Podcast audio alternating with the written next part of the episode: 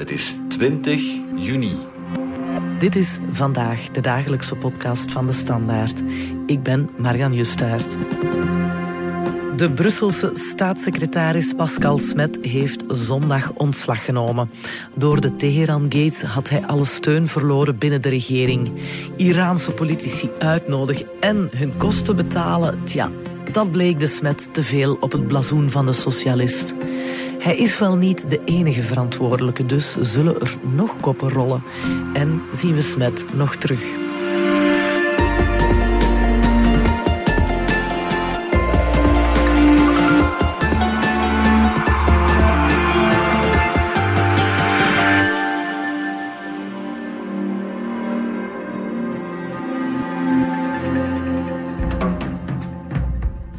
Ik heb toch beslist uh, om ontslag te nemen. Ik heb dat alleen beslist. Uh, om de dood reden dat politieke verantwoordelijkheid in deze tijden van de samenleving zeer belangrijk is. Dat was Pascal Smet tijdens zijn persconferentie zondag, waarin hij dus plots zijn ontslag aankondigde. En intussen weten we dat hij wordt opgevolgd door Ans Persoons. Zij was tot nu toe schepen in Brusselstad. Bart Brinkman van onze Wetstraatredactie, welkom in de studio. Bart, om te beginnen, die Iraanse delegatie waar alles om draait, wat kwam die hier eigenlijk doen? Er was vorige week in Brussel een grote stedenconferentie. En minstens drie of vier steden, organisaties bliezen verzamelen in Brussel. Ja, steden doen dat wel meer, praten met elkaar. Die hebben, steden hebben vergelijkbare problemen. We kunnen altijd wat leren van elkaar. burgemeesters stoppen. Burgemeesters, ja. topambtenaren en, en dat soort dingen meer. Nu, een van die organisaties is Metropolis die een aantal steden verzamelt. En daar is de betrokken burgemeester van Teheran is daar ondervoorzitter. En wie zit daar in de raad van bestuur? Pascal Smet. Dus ze kennen elkaar. Brussel is gaststad. Smet heeft in de portefeuille internationale relaties eh, steken. Dus hij moest dat ding organiseren en hij moest ook iedereen uitnodigen. En dan loopt het fout. Nu, dat is allemaal uitgekomen pas toen die top, die Brussels Urban Summit, dan daadwerkelijk plaatsvond. Mhm. Want dan uh, ja, kwamen er foto's naar buiten en daar uh, bleken dan uh, de burgemeester van Teheran te staan blinken, maar ook Russische burgemeesters. Ja, dat klopt. Ja, het was denk ik de onderburgemeester van Kazan. Nu, die is hier binnengeraakt via een ander Schengenland, had dus een visum voor een ander Schengenland gekregen. Ja, dan kun je gewoon doorreizen.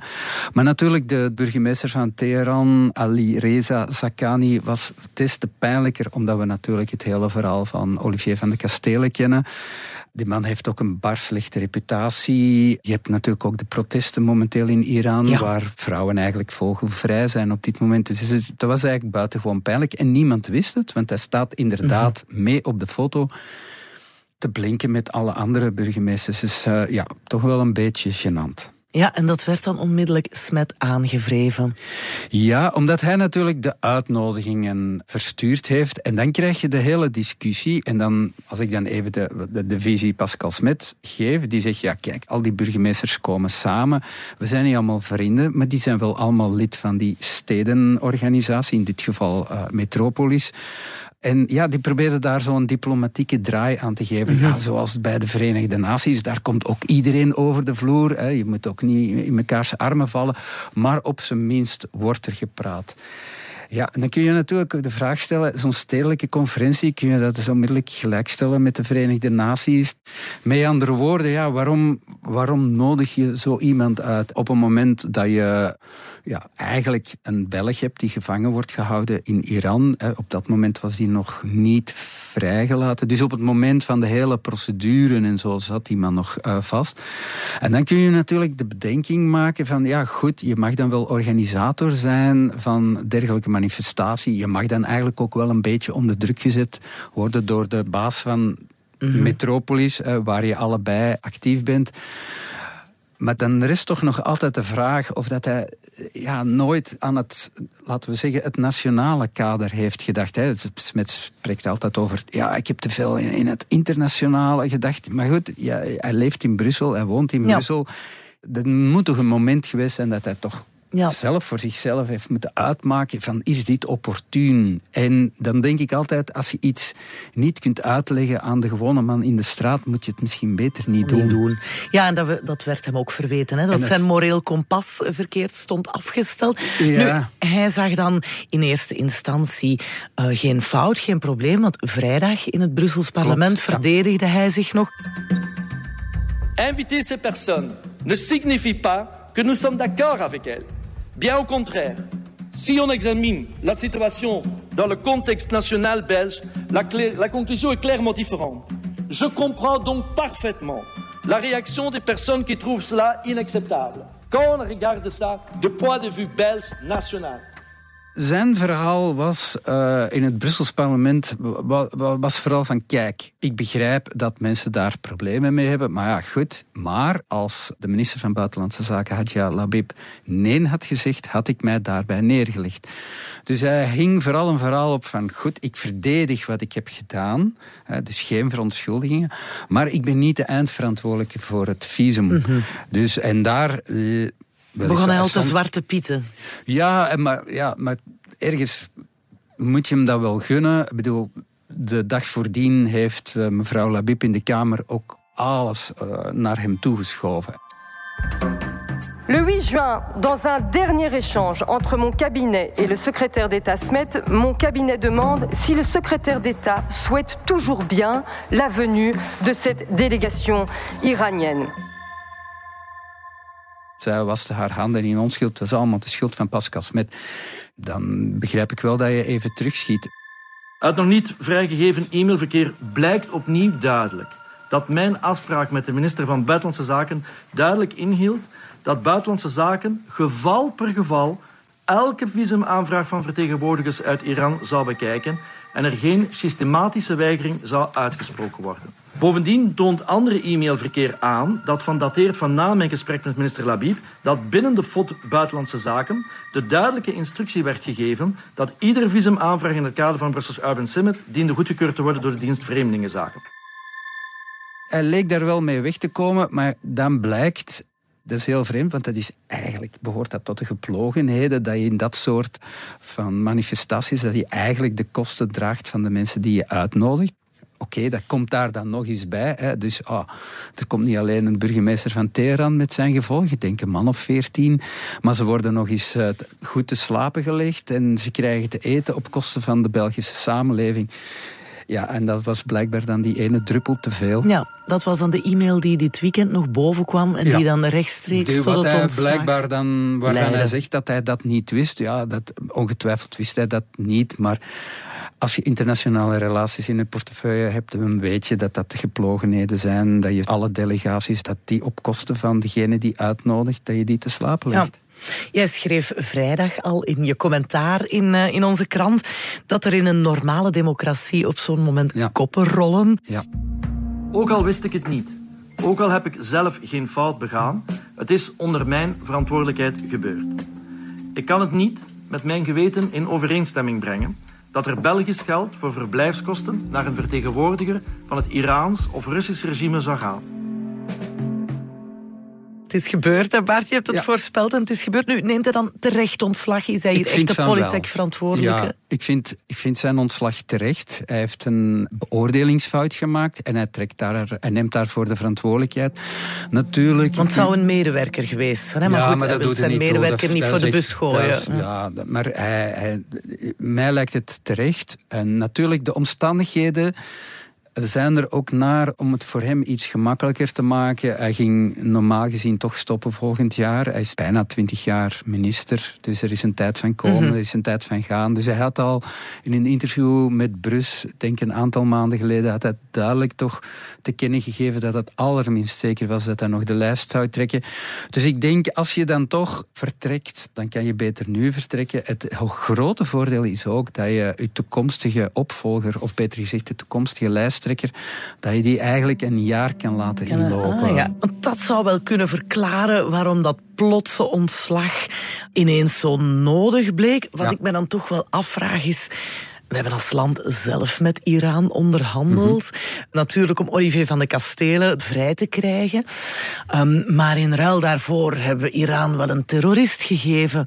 En nu ineens gaan we voor zo'n burgemeesterstop kom aan, is dat niet een beetje hypocriet? Dat Smet zijn kop nu rolt voor zo'n burgemeester stopt, terwijl dat we ja, voortdurend onderhandelen. Natuurlijk, dat, dat is ook zo. En daar heeft hij zich op een bepaald moment ook achter verscholen. Maar ik denk dat dat een kwestie is van een zeer ongelukkige timing. En dan, ja, uiteindelijk is dat ook belangrijk in de diplomatie, in de politiek, is het ook belangrijk om die dingen te doen of niet te doen op een bepaald moment. Natuurlijk is het grote probleem dat Olivier van de Kastelen pas vrij is. Dat ook iedereen mhm. weet dat het een terroristenregime En dan ligt dat gewoon heel moeilijk. Nog eens, je krijgt dat niet uitgelegd. En bijvoorbeeld, dus die, die stedenorganisatie Metropolis heeft een speciaal programma naar gelijkheid toe, uh, met safe spaces voor vrouwen. Ja, en wat weet ik allemaal meer. Dat is een, een van hun speerpunten. En dat is altijd het probleem met dat soort van organisaties.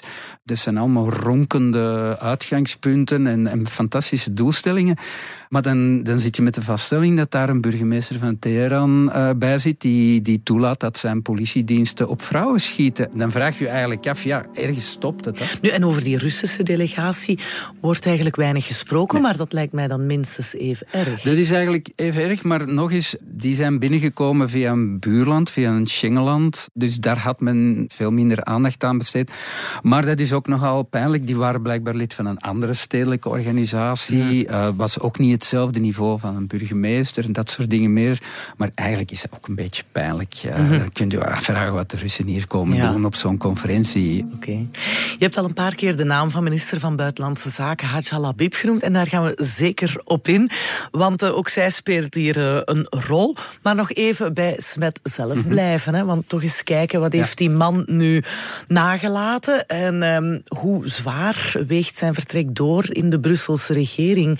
Zitten zij daar nu met een groot probleem? Ja, dat denk ik niet, omdat Vooruit of One Brussels, zoals ze zich toen noemde, had verkiezingen verloren, waren eigenlijk het laatste wiel aan de wagen van de Brusselse regering. Pascal Smet was ook geen minister meer, was staatssecretaris. Dus ik denk dat zijn invloed wel wat verminderd was de afgelopen jaren. Dat hij, het, hij had het ook een, stuk moeilijker. Ja, de, de coalitie wordt veel meer gestuurd door Groen Ecolo dan door Vooruit. Maar ik vind wel, ja, Pascal Smet heeft altijd een beetje vreemd imago gehad. Dat is altijd zo een heel grote mond. Dat is het minste wat we kunnen zeggen. Maar ik vind wel dat we moeten benadrukken dat hij op vlak van ruimtelijke ordening, stedenbouw, openbaar vervoer, dat hij toch geprobeerd heeft om, ja, sinds twintig jaar geleden, om een aantal bakens te verzetten. Het is iemand die nogal dweepte met Jan Geel, een befaamde uh, Deense stadsplanner, om ja, een stad veel meer op maat van mensen te kunnen maken. En waar je, ja, je kan over Brussel veel zeggen, maar het Brussel van de jaren 60 en 70, 80, daar, daar zitten toch wel wat mankels aan, waaraan hij probeerde te werken. Ja, hij was toch een van de eerste om koning auto te weren. Ook in de Hofstad heeft veel fietsinfrastructuur. Ja. Het is echt iemand die geprobeerd heeft. En daar natuurlijk, en dat, dat moeten we ook uh, durven zeggen, dat, hij is daar gebotst op, op de moeilijke institutionele situatie van Brussel. Je hebt een gewest, je hebt 19 gemeenten. Al die burgemeesters willen hun eigen zin doen op vlak van autoverkeer en dat soort dingen meer. Dus het was niet simpel. En hij heeft eigenlijk altijd heel consequent op die nagel geklopt. En ik vind dat we hem dat wel moeten gunnen. Dat hij ja, op vlak van leefbaarheid echt geprobeerd heeft om, om Brussel toch iets of wat in die 21ste eeuw te krijgen. Ja. En je sprak ook over zijn grote mond. Ik herinner me dat hij Brussel ooit een hoer noemde. En daar was dan heel veel commotie rond. Ergens had hij ook het hart op de tong. En, en hij zag het groot. Uh, het was ook iemand met een gezonde dosis ambitie, mogen we wel zeggen, denk ik. Dus hij had altijd grootste plannen. Hij had ook grootste eh, institutionele plannen voor Brussel. Maar goed, dan maak je natuurlijk geen schijn van kans als je begint met eh, de fusie van Brusselse gemeenten en zo. Dan maak je... Hij was ook Vlaming, hè? of hij is ook Vlaming, wat het, wat het niet makkelijk maakt. Hè? Voor Vlamingen in, in Brussel, waar toch het Frans uh, de taal is. Dus, dus ja, goed. Het valt nu te bezien of Groen Ecolo die mobiliteitsfakkel gaan overnemen. Mm, ik denk wel dat we kunnen zeggen dat hij de laatste jaren daar toch wel heel wat gevechten uh, mee gevoerd heeft. Uh, omdat hij vond dat Groen dat op een veel te dogmatische manier aanpakte. Bijvoorbeeld met Good Move en dan een soort tegenreactie creëerde, waardoor je eigenlijk verder van huis bent. Laat hij veel onafgewerkte dossiers na? Ja, ik denk, ik denk dat hij toch met zeer gemengde gevoelens terugkijkt eh, op zijn laatste jaren. Uh, hij had zo'n ratje toe aan bevoegdheden. Hij ging wel iets doen met de Brusselse bouwcode.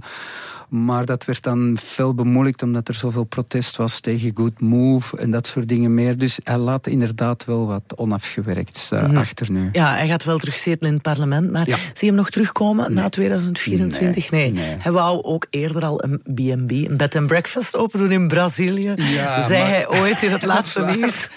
Dat is waar. Dat was zo'n wild plan van hem. Maar ik, ik denk eerlijk gezegd dat hij voor zichzelf nog wel een toekomst ziet.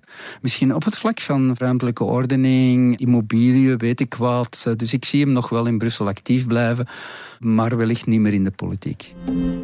Oké, Bart, we moeten het dringend over Hadja Labib hebben.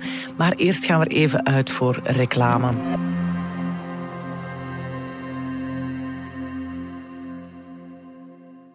Ah, terrasjes weer. Dat is een podcast in mijn oren, een super 8 rouge in mijn hand. Ja, en waarschijnlijk met een decolleté weer goed verbrand. Super 8. Lekker onverwacht.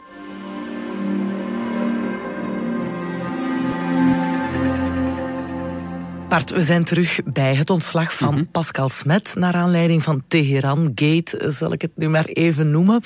Wie daar ook in het vizier komt is de federale minister van Buitenlandse Zaken Hadja Labib van de MR. Voorlopig blijft zij zitten. Het is maandagochtend. You never know wat er gebeurd is tegen dat deze podcast wordt uitgezonden. Maar wat is haar uitleg? Haar uitleg is, Smet heeft te veel gezaagd en ik heb dat uiteindelijk toegegeven. Ze zegt het niet met zoveel woorden. Er is briefwisseling geweest en aanvankelijk, en dan spreken we over maart, hebben haar diensten ook echt wel gezegd van, het is geen goed idee. Laat dat de Iraniërs komen. Dat de Iraniërs komen.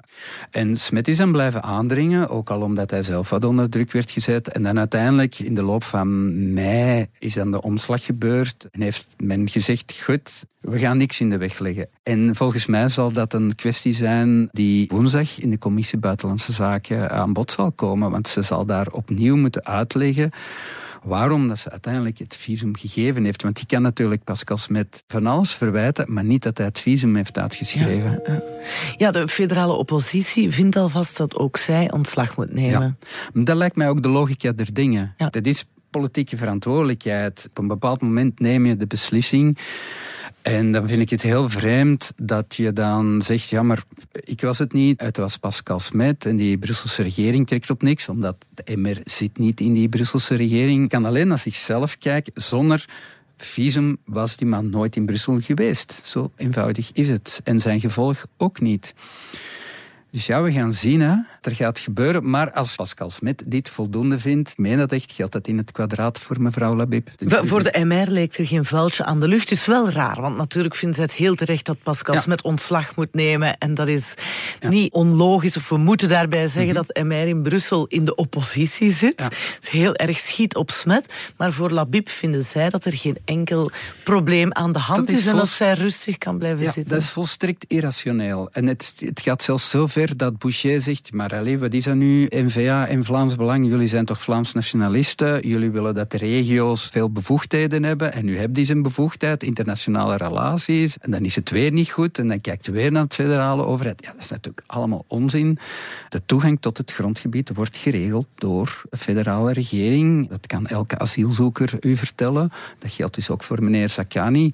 Dus aanvankelijk was het nee en dan is het ja. Uh, zij suggereerde bijna, Smet heeft mijn arm omgevrongen, maar dan maak je het alleen maar erger. Want Ocharme, Smet is een staatssecretaris van een regionale regering. Zij is gewoon federaal minister van Buitenlandse Zaken. Als je iets wat goed in je, sterk in je schoenen staat, dan, dan stuur je Smet gewoon wandelen. Als je vindt dat het niet kan en ze vindt dat het niet kon, maar toch heeft ze de toestemming gegeven. Ja, goed, dan lijkt mij de zaak heel helder te zijn. Een uitgesproken standpunt. Ik heb het al eens geschreven en ik moet, ik moet eerlijk toegeven, ik heb toen verwezen en ah, dat, is, dat is al even geleden, 30 jaar geleden, liep er een, een terrorist ook rond in Brussel met een visum van Buitenlandse Zaken. En toen vond iedereen dat de toenmalige minister van Buitenlandse Zaken, uh, Mark Eiskes, die zelfs uh, zegt, zei van niks te weten, dat hij moest opstappen. En, en heeft hij dat gedaan? Nee, hij is toen blijven zitten omdat hij zoiets had van, ja, we leven hier toch in een apenland. Moest ik in Groot-Brittannië minister zijn, ik was al lang weg geweest.